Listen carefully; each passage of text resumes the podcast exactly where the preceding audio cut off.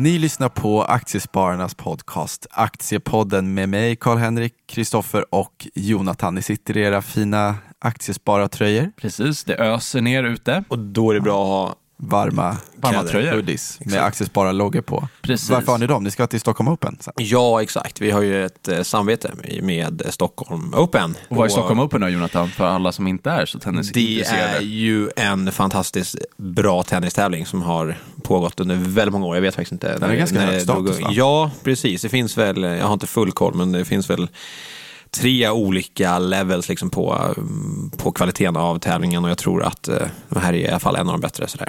Jättekul är det i alla fall. Eh, Aktiespararna är partner i, i det här, Stockholm Open. Så, Så vi har en monter då. ja, Precis, och dit ska vi gå och stå och Och spela pingis vet jag bland annat. spela pingis. Det är Spela det. pingis på ett te- tennisevent. Ja, det lät- jättebra. Och lät inte så här som en jättetung arbetsdag, men Vi ska i alla fall trotsa regnet, för det är ju en bit. det ska vi faktiskt göra. Ja. Helt rätt. Men jag får väl börja med att säga grattis till er två också.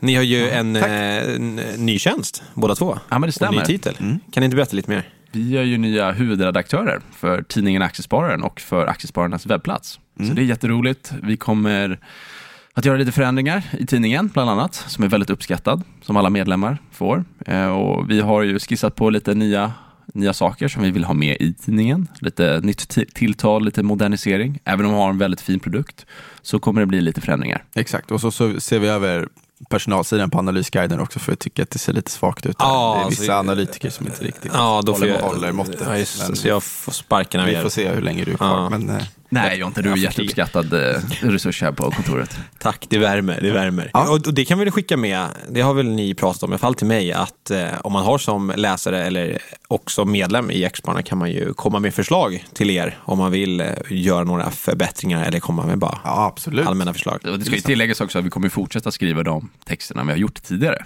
Men nu Och är det analyser. lite mer helhetsansvar. Ja, det Precis, ska jag absolut analyser tilläggas. och Att allting vi fonderna. gjorde sen innan, som du säger, fonder, aktieanalyser och makroanalys och podd och allt vad det är, det gör vi också. Så det läggs på lite nya saker bara. Men om man har förslag, hur når man er då? Mail, mailadressen finns i tidningen. Ja, Och coolt. på Twitter också. Och på Twitter Just också. det. Absolut. Ja. Man kan även skriva brev om man nu gillar det.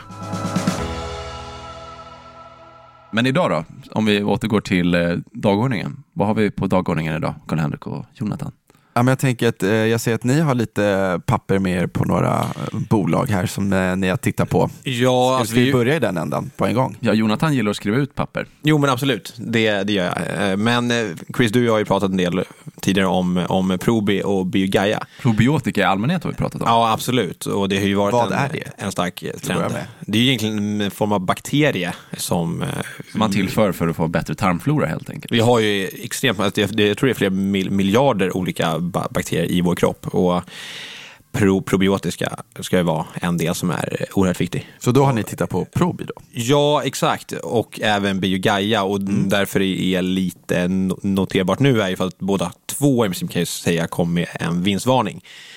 Biogaia var väl något, eh, något mjukare där man skyller lite mer på en underleverantör och distributionsledet eh, medan eh, Pro, Probi verkligen guidade ner för egentligen en nolltillväxt under under 2019 då, eh, på grund av en, av en svagare marknad i USA som, som är den största marknaden också för dem. Så nolltillväxt med P35 typ i alla fall. Hur går det, Ja. hur går det här ihop då? Nej, men alltså, hi historiskt sett så har de ju haft en väldigt stark tillväxttakt. Jag vet inte, de har väl legat i snitt på nästan nästan 20 procent tror jag, omsättningsmässigt och har haft ett, ett, ett bra re- resultat trots att man är väldigt, väldigt forsknings inte intensiva ska ju tilläggas. De har ju, jag tror det är nästan 20 procent av deras omsättning som i, i forskning, vilket är extremt högt. Och uh, på något sätt kan ju det vara rätt intressant också, för då, då kan man ju framöver komma fram med ganska bra nya produkter också.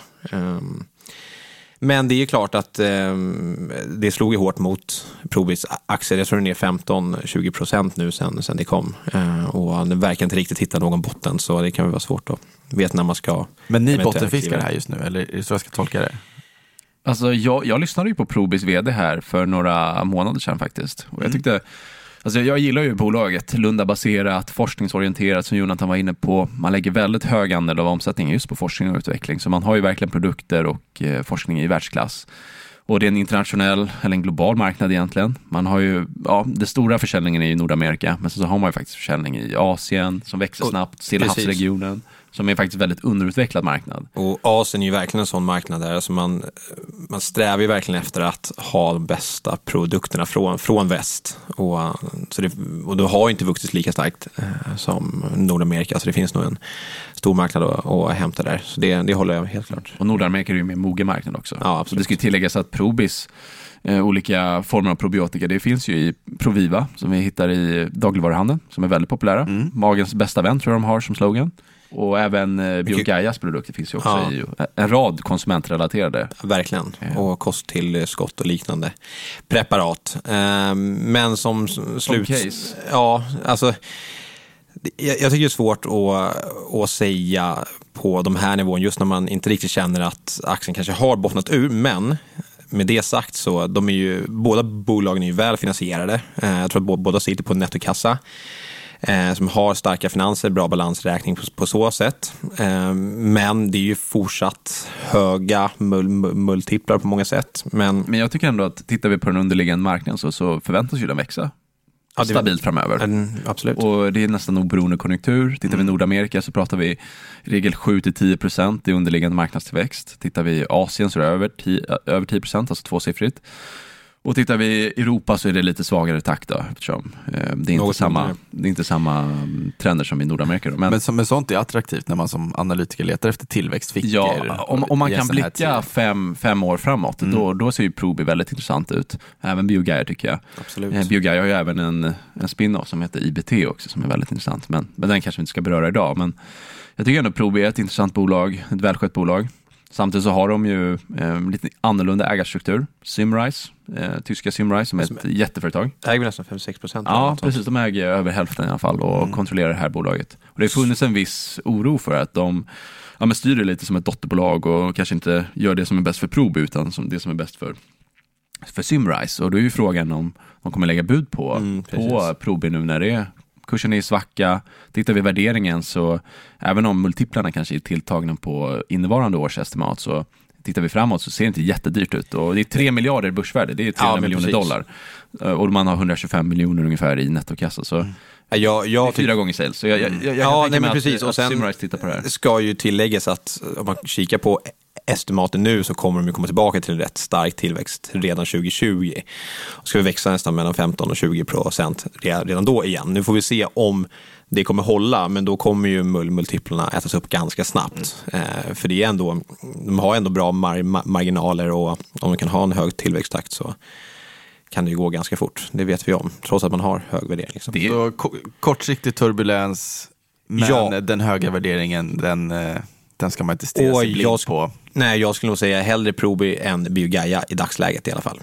Om, man, om man ska jämföra de två med sådana tydliga peers mot varandra. och i regel är det ju så att tillväxtbolag är ju sällan väldigt billiga. Eh, Men nu är de inne i en svacka, så tittar vi börsvärdesmässigt så, så är de ju betydligt lägre värderade än vad när aktien toppade 2017. Ja. Då var det ju nu över 600 kronor. Ja, precis. jag. Och man ska ju Eh, tillägga det att det kan ju vara väldigt, väldigt slaget mellan kvar, kvar, kvartalen i sådana här bolag. Alltså det, man kan ju få stor order från ett kvartal till ett annat och det, så slår det ju väldigt, väldigt hårt. Så det, jag tror det är väldigt svårt att bara kika på kvartal i sådana här bolag. Man måste nog lyfta blicken. Ehm, och då håller jag med om att då är det mycket mer intressant att kunna gå in på Probi på vad den står nu, 260. Och precis som du säger, den, var, den toppar väl på runt 600. Och det är inte så länge sedan. Och de driver ju fortsatt stark forskning och kommer nog kunna spotta ut en del bra produkter. Ja, Eh, så tror man på idén så, så är det en annan, annan femma.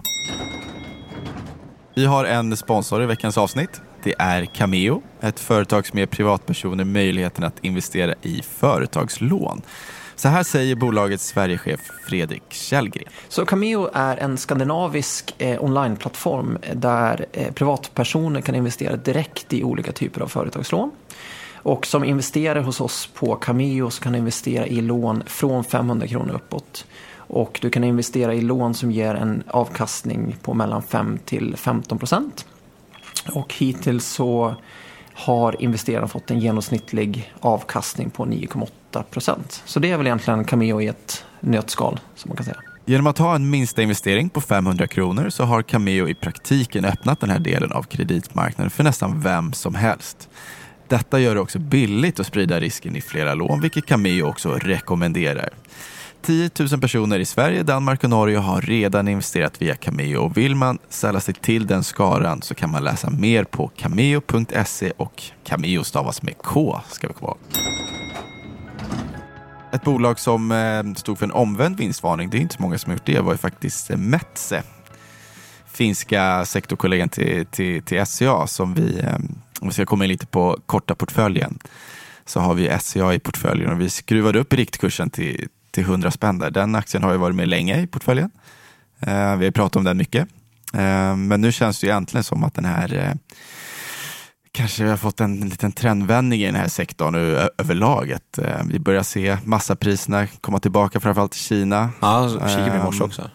Vi har sett fallande massapriser under lång tid och bolagen har ju haft pressade vinster till följd av det här så man kunde få en liten omsvängning här. Vi har även sett Stora Enso som har, den studsar väl jag vet inte, 100 gånger på 100 kronor. Och sen Ja. så, nu står den i 125 och det är mycket, det är mycket på, på grund av det här också. Eh, Även Holmen har gått starkt nu senaste. Ja, veckan absolut. också. Och vi ska ju Så- tilläggas att det kommer väldigt många intressanta rapporter den här veckan. Jag tror Holmen bland annat kommer om det är på torsdag eller på fredag. Så det blir rapportintensivt. Så tror jag Ericsson kommer om det är på torsdag. Ja. Ja, och Telia lika, lika så. Va? Men ni är lite intresserade av skog nu alltså? Ja, men skog är trev, trevligt. Absolut. Det är, är Ja, inte så träigt som många, många säger, utan det, det finns någonting att Fyndig ta kille. på. Ja. Men det ska ju bli superintressant nu inför rapportperioden. Vi var inne på det förra veckan också eh, i podden. Ett, eh, framförallt då cykliskt, får Mm. man ju säga. Det väldigt kronan, är 10 kronor för en dollar. Det är, Ja, Bara men där i det här fallet så kommer det vara positivt för verkstadsbolagen. Det bidrar säkert med att nedrevideringarna kanske inte blir så, så pass farliga ändå. det blir som en stötdämpare nästan. Ja. Nej, men det är ju lite intressant om man tittar på, på tillväxten. Ehm, vi pratade ju förut om det Go- Goldilocks-scenariot för ett par år sedan. Ehm, centralbankerna gasar på, ingen inflation och vi såg en eh, synkroniserad eh, tillväxt i hela världen. 75 procent av världens länder växte samtidigt. Idag, då är det ju faktiskt helt tvärtom. Då ser vi en kontraktion vad gäller tillväxten i 90 procent av världens alla länder. Så att nu är det en synkroniserad nedgång istället. Och det beror på handelskrig? Ja, för, men, Cyklisk Ja, nedgång exakt. i allmänhet. Exakt. Ja, exakt. Som då har skyndats på av, av, av handelskonflikten. Men det är ju lite intressant då hur, hur länge de här låga räntorna ska och likviditetsströmmarna ska kunna hålla uppe börsen och aktier. För det är det som är frågan nu. Fed har ju kommit ut med att det blir nytt QE här, även Mm. om man inte kallar det QE. Även om det ser ut som en anka, låter som en anka, beter sig som en anka. Så jag skulle säga att det är QE. Eh, 75 miljarder dollar va? Eh, I månaden. Ja. Och det är ju, jag Ja, tror det att är ju en QE, alltså, Ja. helt- klart. Och det är ju det många har eh, längtat efter också. Att, att det, är- den här dollarstressen ska mildras lite och vi får se om det, om det blir så. Och det gynnar ju också tillväxtmarknader som har, de har väl nästan haft det mest kännbart av den här dollarsqueezen som har fått. Ja men precis. Det finns ju många emerging markets som har lånedollar Mm. och, och andra intressenter. Ja, det har varit extremt tufft för dem. Ja, Alltså, när och därför är det ju positivt att inflationen såg i USA i september eh, föll. Vilket ju då gör Fed mindre stressade. Då, har ju de, då känner de inte stressen från, från, från inflationen, att de skulle åka på några överhettningstendenser i, i första taget i ekonomin. Och jag såg också faktiskt att den tioåriga amerikanska räntan är nu över tre, tre månaders eh, Kul! ränta. Så en liten trendvändning där också. Så Men är ju- otroliga svängningar på räntemarknaden. Ja, det är helt det, det får galet. man säga. Det är otroligt vad tioårsräntan har svängt Ja. upp och ner i år. Ehm, och det är ju ett, också ett tecken på osäkerhet och på att investerare Ja, gasar och bromsar ja, och inte riktigt, väg, inte riktigt vet vad, vad pucken är på väg. Men då måste vi prata lite handelsavtal eh, avtal eller handelskrig igen. För nu har vi ju det. faktiskt fått lite mer positiva signaler. I fredags kom det va? Fas Där det- 1 i alla fall. Ja, precis. De har ju då ingått ett avtal där man skjuter upp tullarna Mm. som skulle ju då ha implementerats i veckan. Mm. Får vi se, som du sa, det är kanske, de har ju kommunicerat att det är mer av ett första steg. Och det har ju varit liknande situationer förut också, kan man ju känna. I alla fall den, den muntliga delen, att de menar på att de har kommit framåt, men där det sedan har ja, brutit sig inte alls. Ja, slutat får vi se. Det närmar sig ju också presidentvalet. Jag vet Det är ju inte precis- hur, hur mycket exakt. han vill hålla på med det där. Nej, ja, verkligen. Nej, det är ju tufft om han skulle gå in i kampanj med en riktigt dålig ekonomi. Liksom. Och Fallande ett, eh, aktiekurser. Fallande aktiekurser, ett stundande krig mot Kina. Och, nej, det kan vara tufft. Särskilt när han har tagit cred för att uppgången är hans förtjänst. Ja, Då exakt. blir ju Ja, också nedgången Ja, hans, eh, hans problem också. Ja, absolut. Eh, För det är ju alltid svårt. Många presidenter har ju just undvikt, undvikit att prata om att eh, marknaden är uppåt på grund av ens egna eh, ja, insatser. Så det är ett intressant läge som vi har framför Men oss. visst, om de får till en uppgörelse i de närmaste veckorna, då kommer väl han ändå ses lite som en segrare ändå. Att det, Det- har varit. absolut. att Ja, men det tycker jag bra. Han har inte vikit ner sig utan har haft eh, ja, men en hård linje. Mm. Kanske inte så mycket kompromissvilja till en början, men ändå, ja, kineserna ska ju börja köpa mycket jordbruksprodukter och annat som, som hjälper amerikanska bönder. Så, ja, men det, jag tror att det finns mycket som, som glädjer Trumps väljare i, i det här. Mm.